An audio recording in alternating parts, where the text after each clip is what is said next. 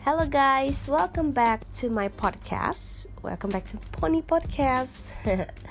Dan kali ini di episode kali ini gue akan ceritain um, apa sih hal yang berbeda antara Korea Selatan dan Indonesia. Sebenarnya gue cuma akan menjelaskan lima hal yang cukup signifikan dan uh, buat kalian yang mungkin mau ke Korea Selatan untuk pertama kalinya ke Seoul untuk pertama kalinya, terus kayak uh, belum tahu nih kayak di sana tuh kayak gimana sih. Um, ya mungkin gue bisa sharing-sharing dikit karena ini juga pengalaman pertama gue untuk datang ke uh, uh, tempat negara di mana drama-drama Korea, di mana drama-dramanya sangat diminati oleh warga Indonesia ya, terutama gue nggak tahu sih di negara lain. Oke, okay, jadi yang pertama adalah yang paling uh, bingungin adalah cara mereka berjalan itu cukup cepat. Sebenarnya sama sih sama orang Singapura juga cukup cepat ya, tapi uh, yang berbeda lagi adalah mereka berjalan di sisi kanan. Jadi kalau misalkan kita itu kan uh, untuk misalnya naik eskalator kita lagi nggak mau jalan gitu kan capek kita di sebelah kiri diam dan yang berjalan di sisi kanan kalau di Korea justru kebalik kalau misalnya kita mau diem di sisi kanan. Kalau kita mau jalan itu di sisi kiri. Nah pas pertama kali gue datang adalah eh, kayak uh, bingung juga ya. Karena kita udah kebiasa di sisi kiri terus uh, kita harus ngikutin sana kan. Kalau enggak ya nanti berabe nggak sih sama warga lokalnya? Jadi ya mungkin yang kalian mungkin buat kalian yang belum tahu ya bisa lah uh, jadi lebih oke okay kan gak nora-nora banget gitu pas nanti ke Korea gitu ya. Uh, hal kedua adalah orang-orangnya yang sebenarnya nggak terlalu jago bahasa Inggris. Jadi ya sebenarnya gue pun masih pas-pasan ya bahasa Inggrisnya pas-pasan banget. Tapi pas nyampe ke sana terus gue ketemu SPG SPB pokoknya yang sales-salesnya yang jaga tokonya bahasa Inggris mereka tuh nggak nggak bagus banget. Terus kayak bahkan beberapa masih banyak yang bingung gitu loh kayak di Myeongdong gue beberapa kali masuk toko dan orangnya eh, nggak uh, ngerti bahasa Inggris. Jadinya gue kadang untuk menjelaskan gue mencari produk apa gue harus menunjukkan gambar produknya beserta uh, keterangannya. Misalkan gue beli blush on atau cushion yang shade berapa gitu. Nah itu harus langsung ada di picture di gambarnya gitu. Kayak kalau ngomong mereka tuh suka bingung gitu gue nggak ngerti sih maksudnya kayak Korea kan lagi booming banget ya karena banyak banget nih orang-orang yang pada ke sana jadi kayak bahasa Inggris itu sangat penting di sana. Tapi ternyata beberapa orang di sana bahasa Inggrisnya juga masih kurang. Ya kurangnya kayak kalau kalian pernah ke Bangkok ke Thailand itu juga banyak penjual-penjual yang nggak terlalu fasih dalam bahasa Inggris. Ternyata orang Korea pun seperti itu. Padahal gue pikir ya karena pariwisatanya lagi cukup meningkat ya. Um, jadi gue kira nggak seperti itu. Berbeda dengan ekspektasi gue sih gitu. Dan yang ketiga adalah orang-orangnya lagi jangan heran kalau mereka itu cukup galak. Nggak serama orang-orang Indonesia gitu. Beda banget hospitality-nya um, gue dari scale 1 to 10 I'll give them four or three maybe. Beberapa kayak um, gue cuma nanya do you have this? Kayak terus gue langsung nunjukin gambar uh, produk yang gue cari dan mereka cuma bilang no. Terus mereka langsung pergi ninggalin gue. It's it is not, not good. It's so bad.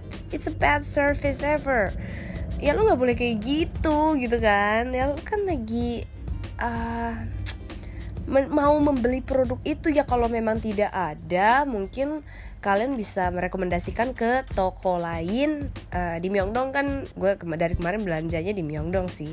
Kayak di Myeongdong kan satu store eh maksudnya satu brand itu nggak mungkin cuma di satu store itu bisa sampai empat tiga sampai empat store gitu loh. Jadi kayak ini free itu ada banyak banget um, apa ya skin food banyak banget gitu-gitu deh.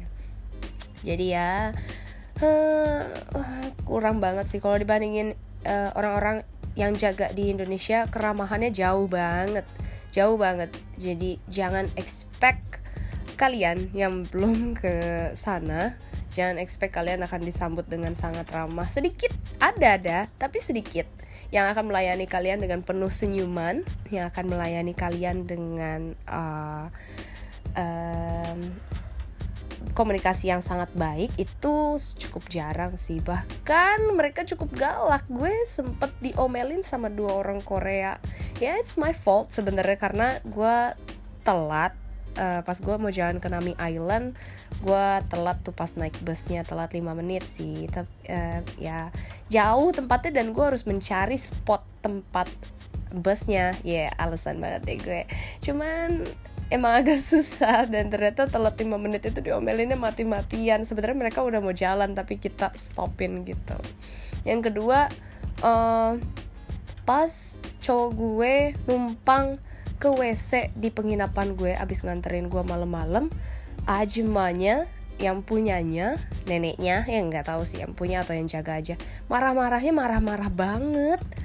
Kayak itu kan cuma numpang toilet. Ya ya gue nggak tahu sih itu sesuatu yang tabu atau tidak di Korea. Maksudnya eh, nggak uh, sopan gitu ya kalau misalnya di sini tuh cuman agak marah-marahnya tuh agak berlebihan ya sampai sampai besok paginya pun gue masih diomelin karena gue bawa temen uh, gue bawa orang gitu untuk numpang ke WC di penginapan itu. Kan ya udah deh ya nenek-nenek lah ya gue mikirnya ya udahlah iya iya aja. Ah capek deh. Oke yang keempat. Yang keempat yang gue temuin yang gue rasain adalah um, tempat sampah itu cukup jarang ya. Kal di beberapa tempat sih. Termasuk ya di subway juga agak jarang tempat sampah.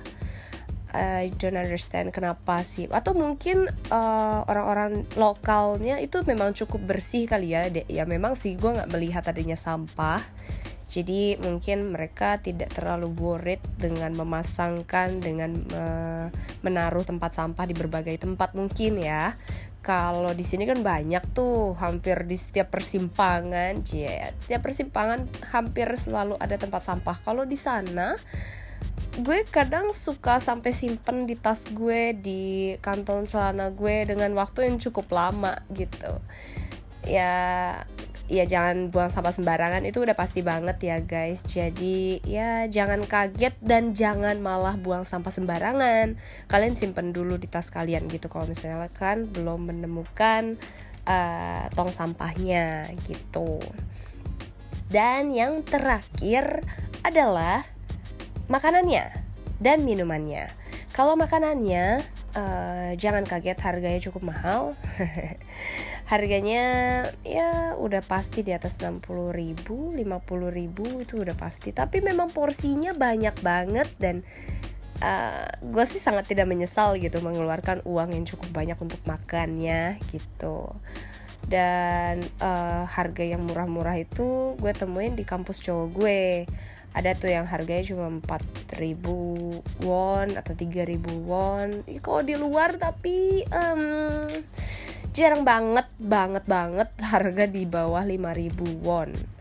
Uh, buat kalian yang udah nuker uang won mendingan gak usah kalian konversikan lagi ke dalam rupiah karena kalian akan sedikit nyesek sebenarnya. Jadi mendingan kalau misalnya kalian udah tuker uang gitu kalian punya 500 ribu won udah nggak usah dipikirin rupiahnya berapa. Pokoknya kalian kayak berasanya punya 500 ribu terus pas jajan ya keluarin 7 ribu keluarin 8 ribu 9 ribu 10 ribu 18 ribu ya segituan lah ya untuk makan.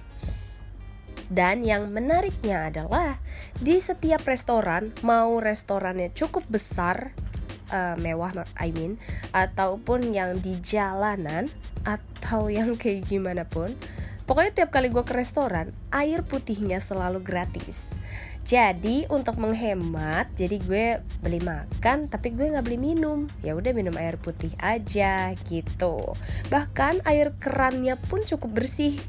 kayak uh, cowok gue pernah bilang kan nih coba minum air keran gitu pas gue cobain emang bener itu bener-bener enak banget seger banget jadi kayak air kerannya pun safe untuk diminum gitu. Jadi nggak terlalu boros untuk hal um, minuman ya. Jadi kalau misalnya spending money-nya udah di udah cukup banyak di makanan ya udah minumannya gratisan aja air putih gitu kan. Mungkin karena itu juga kulit kulit orang Korea itu cukup halus ya. Cukup halus karena mungkin mereka sering minum air putih kali ya. Jadi saran gue adalah kalau kalian udah sekali beli uh, air putih dalam botol botolnya selalu kalian bawa aja. Jadi tiap kali jalan nemu air keran kah atau uh, lagi makan di restoran air gratis kan ya udah isi aja sebanyak mungkin di di botol kalian itu. Lumayan loh itu lumayan banget. Apalagi kan kalau misalkan jalan di luar negeri udah pasti jalannya jauh banget. Kalian pasti capek juga ya antisipasinya dengan cara mengisi air yang cukup banyak di dalam tas kalian gitu. Oke, okay, um, sebenarnya masih banyak hal lainnya, tapi yang uh, cukup signifikan dan berkesan di diri gue itu sih lima hal itu yang mungkin kalian juga jadi uh, yang mau ke Korea untuk pertama kalinya jadi nggak cukup shock ya. Dengan orang-orang ya kan dengan makanannya minumannya maupun uh, tadi yang pertama apa ya? Lupa. Uh, oh dengan uh, gaya berjalannya gitu kan. Jadi lebih ya kayak udah orang lokal lah ya tahu rules rules yang ada di sana. Oke deh, cukup sekian aja sharing kecil-kecilnya. Udah 12 menit, 11 menitan. Oke, okay, see you in the next episode. Nanti gue akan bagikan cerita-cerita lainnya. Oke, okay, bye-bye. Have a good day.